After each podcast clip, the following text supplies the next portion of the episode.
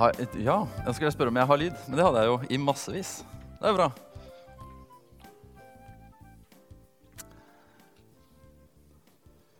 Tenkte jeg skulle gjøre noe lurt, jeg, og så starte med å be en kort bønn. Kjære far, takk for at vi får lov til å komme til deg og få hjelp og støtte når vi trenger det. At du alltid er trofast, at du alltid er der og hjelper oss. Takk, eh, takk for det. Eh, jeg ber om at du også, gode Hellige Ånd, at du kommer og gjør ordet levende for oss. Og åpenbarer eh, ordet. Sånn at det kan slå god rot i oss, og at eh, det kan bære frukt i hver enkelts liv og for ditt rike. Amen. Ja, Idar ringte meg for eh, 14 dager siden. Og så spurte jeg du, Anders, kunne du tenke deg å tale 7. april. Så sa jeg ja, det var jo hyggelig å bli spurt. Ja, sa Idar, du skjønner at nå har jeg ringt alle på lista. Og det var ingen som kunne. Det er ingen som Men Det er bra at han er ærlig. Men jeg uh, har den innstilling at eh, jeg vil gjerne få lov til å skryte litt av Gud når jeg kan det. Han har gjort så mye bra i livet mitt. og eh, Hvis jeg kan framsnakke han, som, vi, som har blitt et sånt moderne ord, framsnakke, så, så vil jeg gjerne gjøre det. Så, så, jeg har forberedt meg. Jeg har masse på hjertet. Så jeg håper dere sitter godt og er klare. Og jeg har forberedt meg også, så her er det mm, flere sider med masse bra som jeg skal dele med dere. Eh, det her blir en sånn preken. holdt jeg på å si. Eller preken blir det ikke. Det her blir eh, på en måte som egentlig ikke er så Jeg liker best å snakke uten et manuskript. Men eh, i dag så har jeg valgt å ta med et manuskript. Eh, fordi at eh, jeg ønsker at det her skal komme fram på en, ja, en god og ryddig måte. Det er så mange ting jeg har lyst til å dele.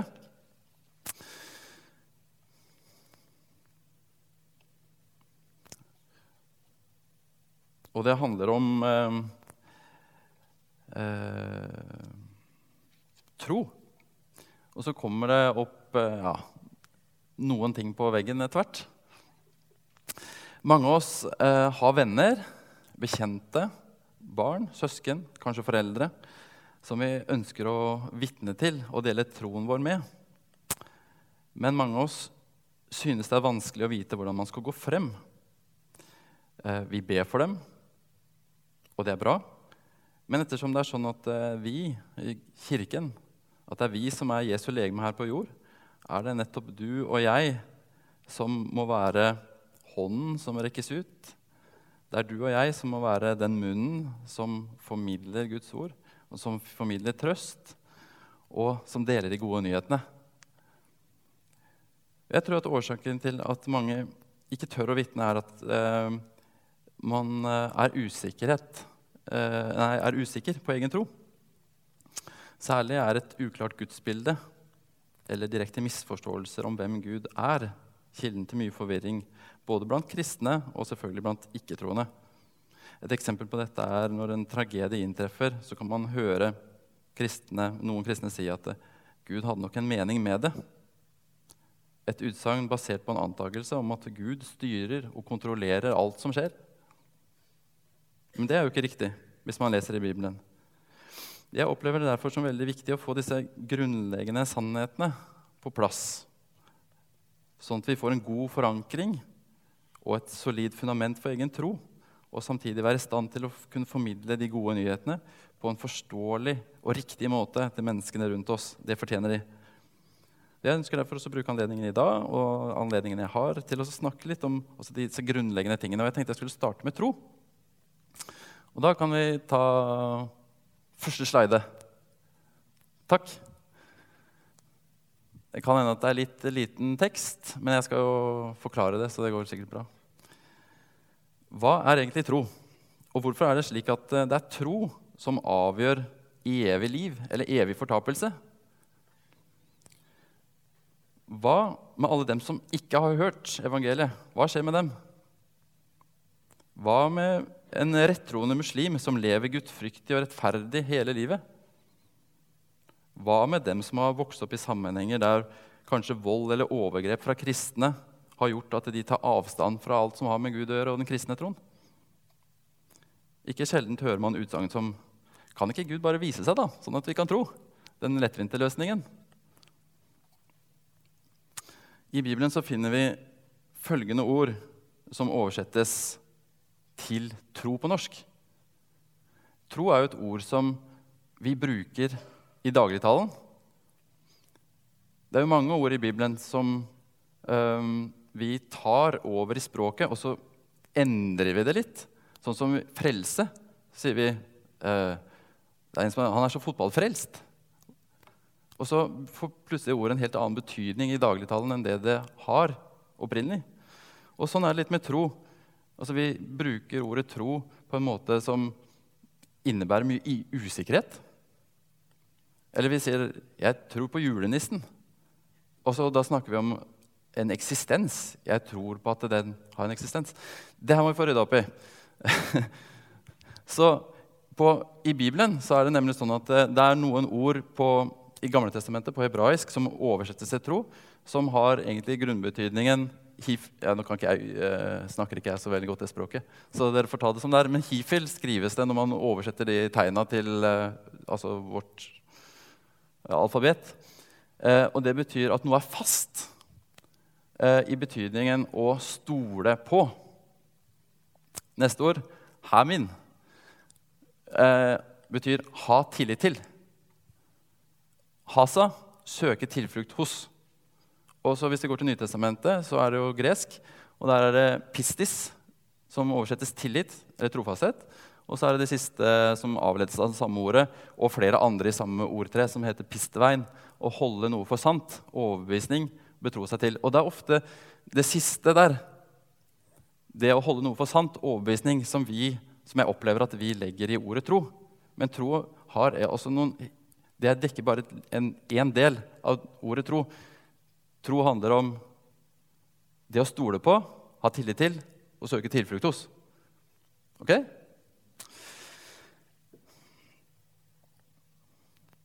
Vi refererer ofte til Hebreerne 11,1. Det har dere sikkert hørt. det verset.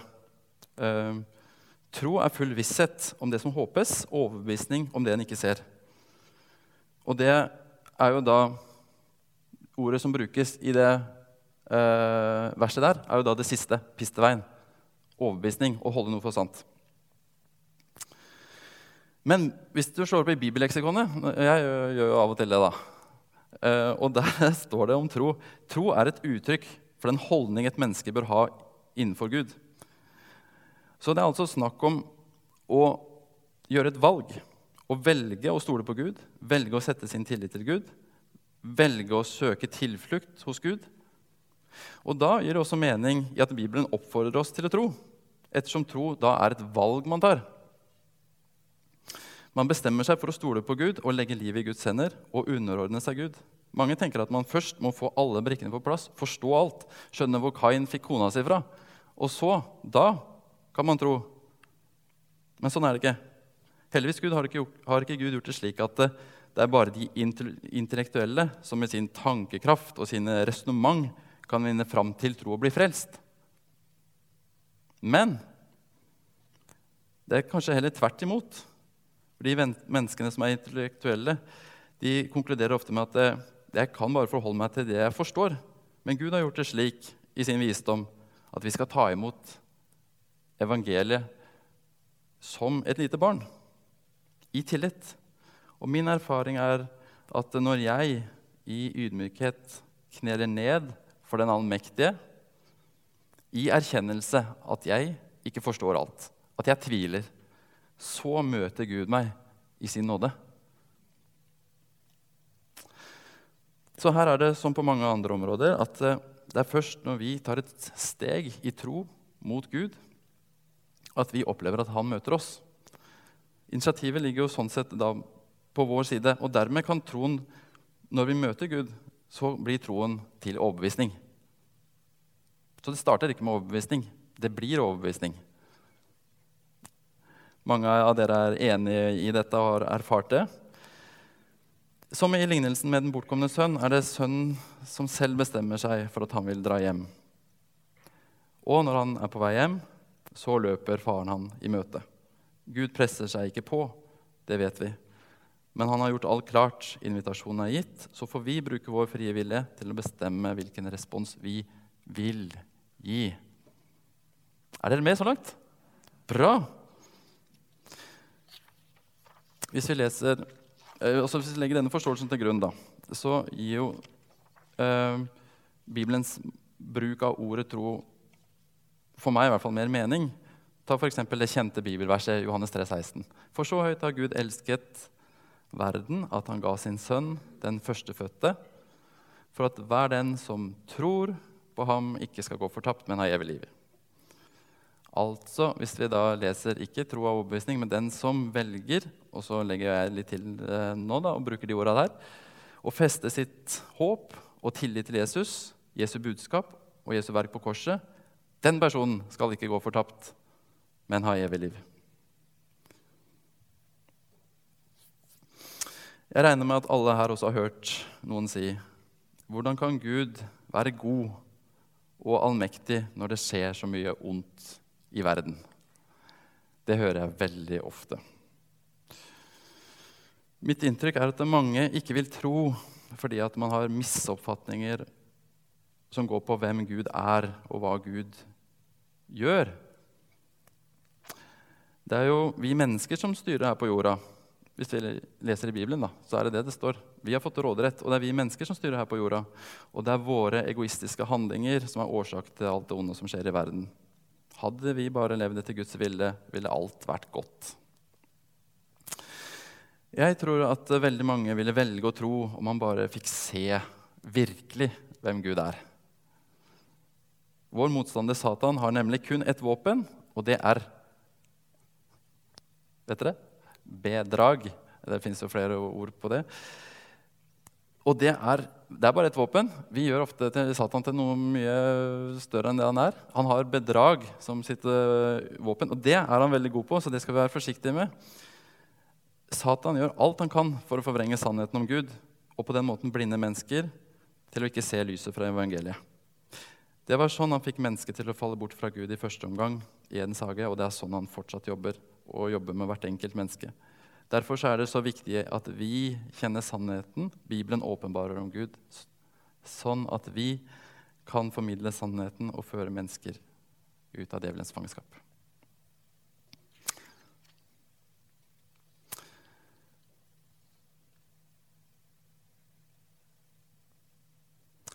Jeg har derfor lyst til å trekke fram noen eh, grunnleggende trekk ved Gud eh, som hjelper oss å forstå Gud og Guds handlinger gjennom historien. Bibelen starter jo sånn som det her. I begynnelsen skapte Gud himmelen og jorden. Eh, Bibelen Legg merke til det her. Altså, Bibelen den argumenterer aldri for Guds eksistens den forutsettes som en opplagt sannhet. Jeg personlig mener derfor at det er bortkastet tid å argumentere med mennesker om om Gud fins eller ikke. Det fører bare til endeløse diskusjoner. Og jeg ser at det er mange mennesker som bruker masse tid på det. Det er jo sånn På Internett nå så er det jo sånn at eh, det finnes jo blogger om alt mulig. Og noe heter sånn ja, det er en som er veldig sånn kjent, da, som mange skriver på. Og Der er det en sånn pågående konstant diskusjon om Guds eksistens eller ikke. Og det er mange kristne som i beste mening og så legger masse masse tid inn i å prøve å overbevise overbevise, overbevise. Men det er en tung vei å gå. Vi kan fortelle om vår erfaring. Den kan aldri noen på en måte stille spørsmålstegn ved. Men det å prøve liksom å ja. Eh, jeg skal ikke bruke tid på det her heller. Bibelen gjør det klart at eh, skaperverkets kompleksitet og skjønnhet er det som vitner om en skaper. På samme måte som vi ser på blomstene her, f.eks. På samme måte som et vakkert maleri viser at eh, det er malt av en maler. Så enkelt er det. Du trenger ikke å diskutere noe mer enn det. At mennesker sier at de ikke vil tro at Gud eksisterer, er da bare en fornektelse ifølge Bibelen, av en åpenbar sannhet som egentlig bare grunner i at mennesket ikke vil forholde seg til at det fins en skaper. og følgende som følger av det. Så nå, nå begynner det som jeg syns er fint. da. Eh, dere holder ut litt til? Si ja. Takk. For nå skal vi se på Gud. Gud, og, det, og, nå er det bare noen sånne helt enkle, egentlig, sånn banale sannheter som jeg vil slå fast, men de er så viktige å ha med. fordi at hvis man ikke har de lagt til grunn, så er det så fort gjort å misforstå Gud. Særlig når man leser i Bibelen. Altså, vi har én bibel. Den er på ca. 1400 sider. eller noe sånt. Det er jo den eneste oppen, sanne åpenbaringen vi har om Gud. Men basert på den boka så er det jo skrevet bøker nok til å fylle flere bibliotek med lære som på en måte går i litt forskjellige retninger. Og mange misser jo på helt sånn basale, enkle sannheter. Så jeg tenker vi, vi, vi, Det kan ikke sies for ofte. Gud er den rettmessige eier av universet. Det er han som har skapt alt. Det betyr at det er han som bestemmer.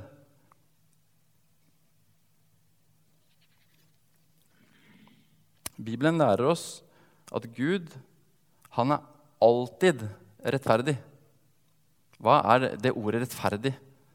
Det betyr jo at han alltid gjør det som er rett, moralsk sett. Alltid gjør han det som er rett. Og hvordan kan han gjøre det? Vi kan jo prøve å gjøre det som er rett, men vi vet jo ikke alltid hva som er rett.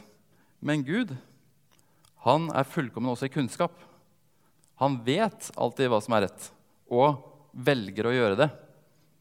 Kunne, har dere tenkt på det? Gud kunne jo valgt å ikke gjøre det som er rett. Gud kunne jo vært eh, slem. Han kunne det. Men heldigvis og det, det, Dere tenker kanskje at det er bare tull å tenke sånn? eller at det blir veldig... Men heldigvis så har vi en Gud Heldigvis så har vi en Gud som har valgt å, å legge alt i å gjøre ting som er rett. Han, han, har satt sin trone står det i Bibelen, og bygd sin trone på at han alltid skal gjøre det som er rett. Den dagen han fraviker fra å gjøre det som er rett, så faller tronen.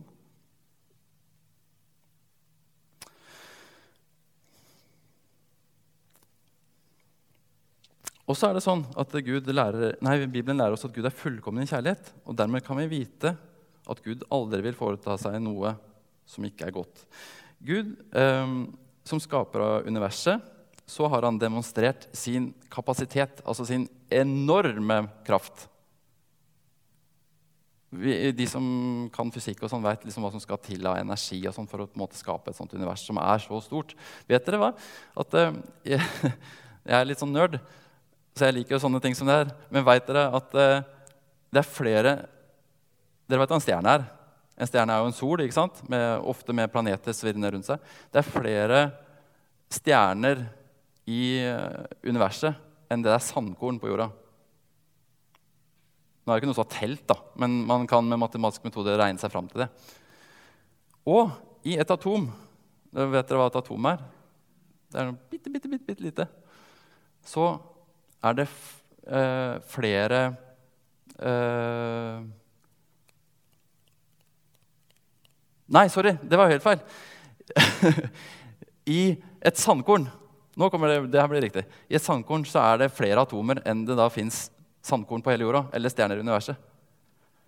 Gud er så svær og samtidig opptatt av det bitte, bitte, bitte, bitte lille.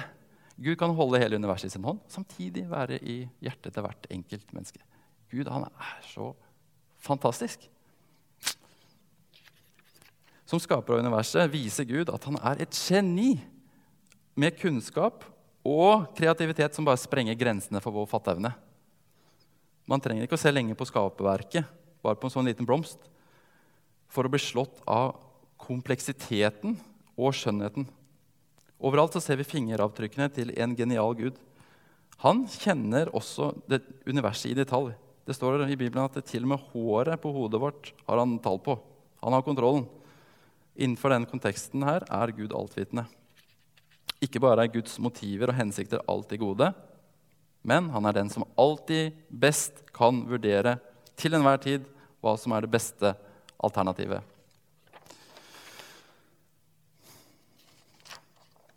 Ja, det nærmer seg slutten.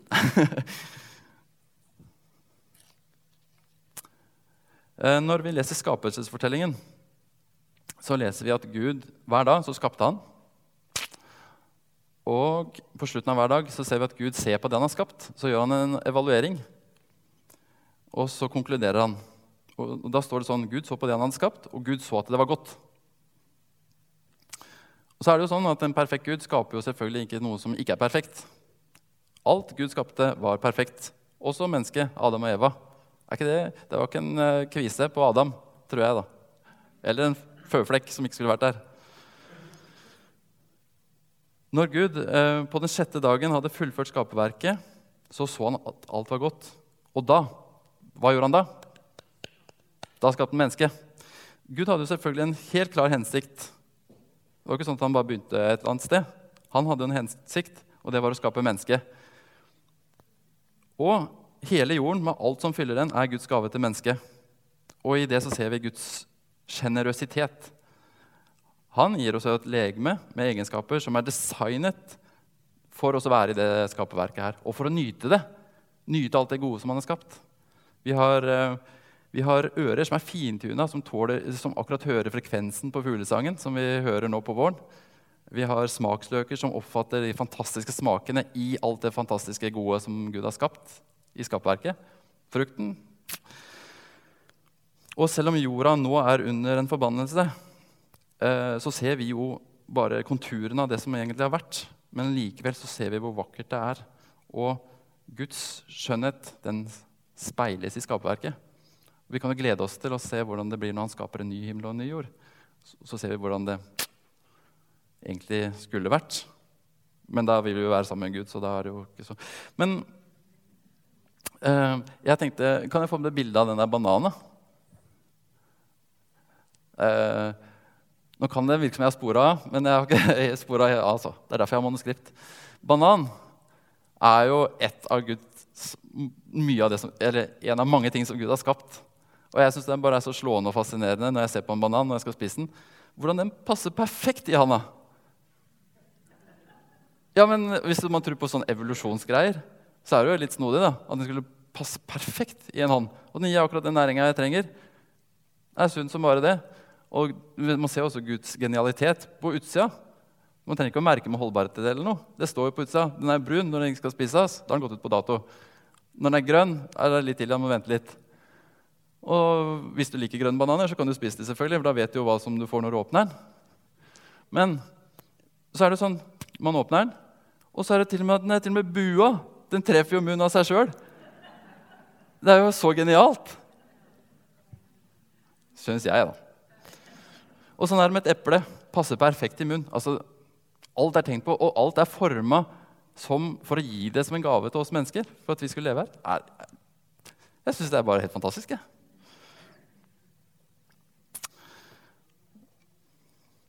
På den siste dagen da, etter at Gud hadde skapt mennesket, så så Gud på skaperverket. Og i vers 31 i første Mosebok, kapittel 1, så gjør Gud da en totalevaluering av alt han har skapt. Og så konkluderer han. Og jeg leser. Da sa Gud Nei, det er jo helt, det var en runding over en annen. Da så Gud på det han hadde gjort, og se, det var overmåte godt. Så nå skal, prøve, nå skal, jeg prøve å nøste litt sammen eh, ting her. Hvis vi da ser på det som vi har sagt til nå, og kort oppsummerer, så vet vi at Gud som, øh, Neste slide, Tore. Nei, var det ikke en imellom der? Er det ikke en Ja, der. Gud. Gud er skaper, rettmessig eier av skaperverket. Han har derfor rett til å bestemme over skaperverket. Gud som skaper, han har all kunnskap kunnskap som langt overgår all vår forstand. Det går bra? Ja. Det er jo Det nærmer seg jo. Det er jo sånn at eh, har jeg hørt at man skal jo ikke spise for fort, for det er ikke bra for fordøyelsen. Så vi må jo ta oss litt tid når vi først eh, spiser åndelig mat. Så jeg fortsetter litt til det. Guds eh, eh, eh Gud eh, som skaper, ja. Han har all kunnskap. Ja. Eh, Guds godhet og kjærlighet gjør at han alltid har de rette motiver. Det kan vi være trygge på og hvile i. Gud er rettferdig, han, og han har da, som sagt all kunnskap. Han vet alltid hva som er rett, og gjør det. Gud har skapt oss og denne fantastiske planeten vi skal leve i. Han har skapt oss også med muligheter til å nyte fellesskap med han. Og han har gitt oss livet. Og jeg kan sikkert fortsette. Men jeg trenger ikke flere argumenter enn det her før hvert fall jeg erkjenner at det eneste rette å gjøre er å bøye meg for Gud. Og, beste, og jeg konkluderer sånn at det beste, mest fornuftige et menneske kan gjøre, det er da å bøye seg for Gud, legge livet i hans hender, stole på han. Og stole på at han vil da forsørge oss, velsigne oss med sin godhet, slik han i sin kjærlighet ønsker, men samtidig erkjenne at han er Gud. Han vet best, at jeg må underordne meg han. Så jeg velger altså å legge mitt liv i Guds hender i tillit til at han er den som har størst forutsetning for å sørge for at livet blir best mulig. Jeg tenker på en måte at eh, man trenger ikke å gjøre det mer komplisert enn som så. Jeg har bare lyst til å fortsette litt for å, for å komme liksom, hva skal jeg si, få nøsta de trådene sammen. For det som skjer hvis vi følger skapelseshistorien da, etter at Gud har skapt Adam og Eva, så skjer det, altså det hjerteknusende at mennesket som får denne fantastiske gaven av Gud, livet, og som får leve i Guds paradis, i Guds nærhet, i harmoni, uten lidelse, uten frykt eller bekymring, velger å vende ryggen til sin skaper. Vi vet at ordet synd bl.a. betyr å ta feil av veien. Jeg tror at skapelsesfortellingen skal forstås allegorisk, som det heter. Altså ikke bokstavelig, men billedlig. Og nøyaktig hva slags synd mennesket gjorde om de spiste et eple eller, kan, eller en frukt, da. Og at det var det som på en måte var utslagsgivende, syns jeg virker litt rart. Men at, det var, at vi gjorde en feil og tok feil av veien, det er jo helt åpenbart at det mennesket gjorde. Gud advarte mennesket på forhånd og fortalte at konsekvensene hvis man gjør synd eller gjør en feil, så er konsekvensen døden. Altså en adskillelse fra Gud, for det er jo Gud som gir liv. Uten Gud død. Sånn er det bare. Og så har jeg lyst til å bare lese kapittel 3 i eh, Første Mosebok. Eh, den er på neste slide. Slangen var listigere enn alle dyr som Herren hadde laget. Slangen sa til kvinnen, 'Har Gud virkelig sagt at dere ikke skal spise av noe tre i hagen?' Kvinnen sa til slangen, 'Vi kan spise av frukten på trærne i hagen.' Men om frukten på treet som står midt i hagen, har Gud sagt, 'Dere må ikke spise av den og ikke røre ved den, for da skal dere dø.' Da sa slangen til kvinnen, 'Dere skal slett ikke dø.' Men Gud vet at den dagen dere spiser av den, vil øynene deres bli åpnet, og dere vil bli som Gud og kjenne godt og vondt. Personlig da, er jeg av den oppfatning at ikke det fantes noe ondt eh, i verden før syndefallet. Eh, jeg, mange mener noe annet. Men Bibelen sier at Lucifer, som dere vet, er oppgitt som navnet da på Satan. Lucifer, som da opprinnelig var denne vakre og fremste av Guds engler. At det står i Bibelen at han var en kirub i Edens hage. Og Husk også at Gud skapte Adam og Eva perfekt. Det betyr at de var ikke dumme. Tvert imot. Hvorfor skulle Eva da la seg lure av en snakkende slange? Jeg tror at Eva snakka med en vakker engelskikkelse, morgenstjernen, som Lucifer betyr. Mange lærer at uh, en som var også, også, som det står i Bibelen, hadde, var eh, fremst eller høyt uh, i, i visdom. Og mange, mange lærer ut at Lucifer at han en gang gjorde opprør i himmelen og tok med seg en tredjedel av englene i en krig mot Gud, altså lenge før skapelsen. Det tror jeg er helt feil. Hvorfor skulle Lucifer hvis han var så smart, prøve seg i en krig mot den allmektige Gud med bare en tredjedel av englene. Altså, han er jo dømt til å tape. Det gir jo ingen mening. Jeg tror at heller Lucifer forsøkte å sette Gud i en klemme ved å prøve Gud, ved å få nettopp mennesket til å gjøre opprør mot Gud. Lucifer ville tvinge Gud til å velge mellom å være rettferdig, som vi har sagt at han er, og å være nådig. Og da var spørsmålet, når mennesket synda mot Gud, ville Gud fravike sin rettferdighet i kjærlighet til mennesket? Da ville det slå bena ut under Guds trone. Eller ville Gud drepe sin egen skapning, som han hadde jobba så hardt for å skape, som han elsket? Fordi Gud i sin rettferdighet må sørge for at alt ondt blir utsletta, og at urett blir straffa. Og så Satan er fryktelig listig. Og han fanger mennesket i et nett av bedrag. Han sår først tvil om Guds troverdighet. Han sier, 'Har Gud virkelig sagt dere at ikke dere skal spise av noe tre i hagen?' Det er jo ikke det Gud har sagt. Han sa at dere kan spise alle trærne i hagen, men ikke det ene treet. Så han, driver og, han forvrenger på Guds ord. Etterpå så sår han tvil om Guds karakter.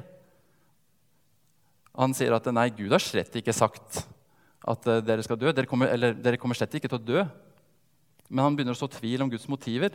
For han, han, Det han indikerer, da, er at Gud har holdt tilbake informasjon. Han vil ikke at mennesket skal bli som Gud. Men det er jo ikke riktig heller. Så mennesket gjør et fatalt valg. Mennesket velger å ikke stole på Gud, Guds ord. Noe som da uttrykker en grunnleggende mistillit til Gud. Og mennesket synder, altså feiler, i form av å ikke bøye seg under Guds regel, tross advarselen om, kons om konsekvensene da, som vil følge av det. Og så kommer jeg til slutt til poenget. Ser dere at det er mangelen på tro, i forstand av manglende tillitsfull holdning til Gud, som fører mennesket til fall? og bort fra Guds nærhet. Og det er mangelen på tro. Man velger å ikke ha tillit til Gud, man velger å ikke være trofast. Man velger å ikke være, måte, legge alt i Guds hender. I dette ligger også Guds rettferdighet i å la mennesket bli frelst ved tro. Adam, som var i Guds nærhet, og Eva, da, som var i Guds nærhet, de var skapt perfekte. De ikke, eller kjente ikke til synd. De så Gud ansikt til ansikt. De hadde derfor, altså Når man lever sammen med Gud, så har man jo all grunn til å tro. Man trenger ikke å stille noen spørsmålstegn i hvert fall om Gud eksisterer eller ikke. Men likevel så valgte de å være utro mot sin skaper. Motsetningen da, til det er mennesket som er født i en syndig natur, som deg og meg, inn i en forbannet verden, som aldri har sett Gud, men som på tross av det velger å tro, velger å sette sitt håp og sin tillit til den Gud som han ikke har sett. Det mennesket som velger å innta denne holdningen til sin skaper, gjør det som er rett i Guds øyne, og vil bli kjent rettferdig. Til syvende og sist er det derfor vår respons til evangeliet, vårt ja eller nei til Gud, det eneste da som virkelig betyr noe. Velger vi ja, så har Gud sørget for at det straffen for alle våre feil, alle våre overtredelser, vår manglende tro på Han, den er allerede sona og tilgitt. Gud selv har i sin store kjærlighet sonet straffen for våre ugjerninger mot ham. Gud viste sin enorme kjærlighet til oss på korset, der Gud led i sin kjærlighet til oss og døde for å gjenopprette det han opprinnelig hadde skapt. For, for, å redde sin skapning som gikk bort fra ham. For meg så er det et vakkert evangelie. Det er en historie som er så altså overveldende når man begynner å gå inn i den. At den, det, det, eneste den kan gjøre, er å knekke deg i knærne og få deg til å falle innenfor en fantastisk Gud som er så Mm. mm. Syns jeg. Og jeg syns når, når jeg, har sånn når jeg har den forståelsen av Gud, så er det vanskelig å få noe til å rokke ved troa. Og jeg har lyst til å fortelle andre om den fantastiske guden. Et rett gudsbilde har så mye å si. Det, det er eh, et, Det er så grunnleggende for eh, livet og det forholdet man har til Gud. Da.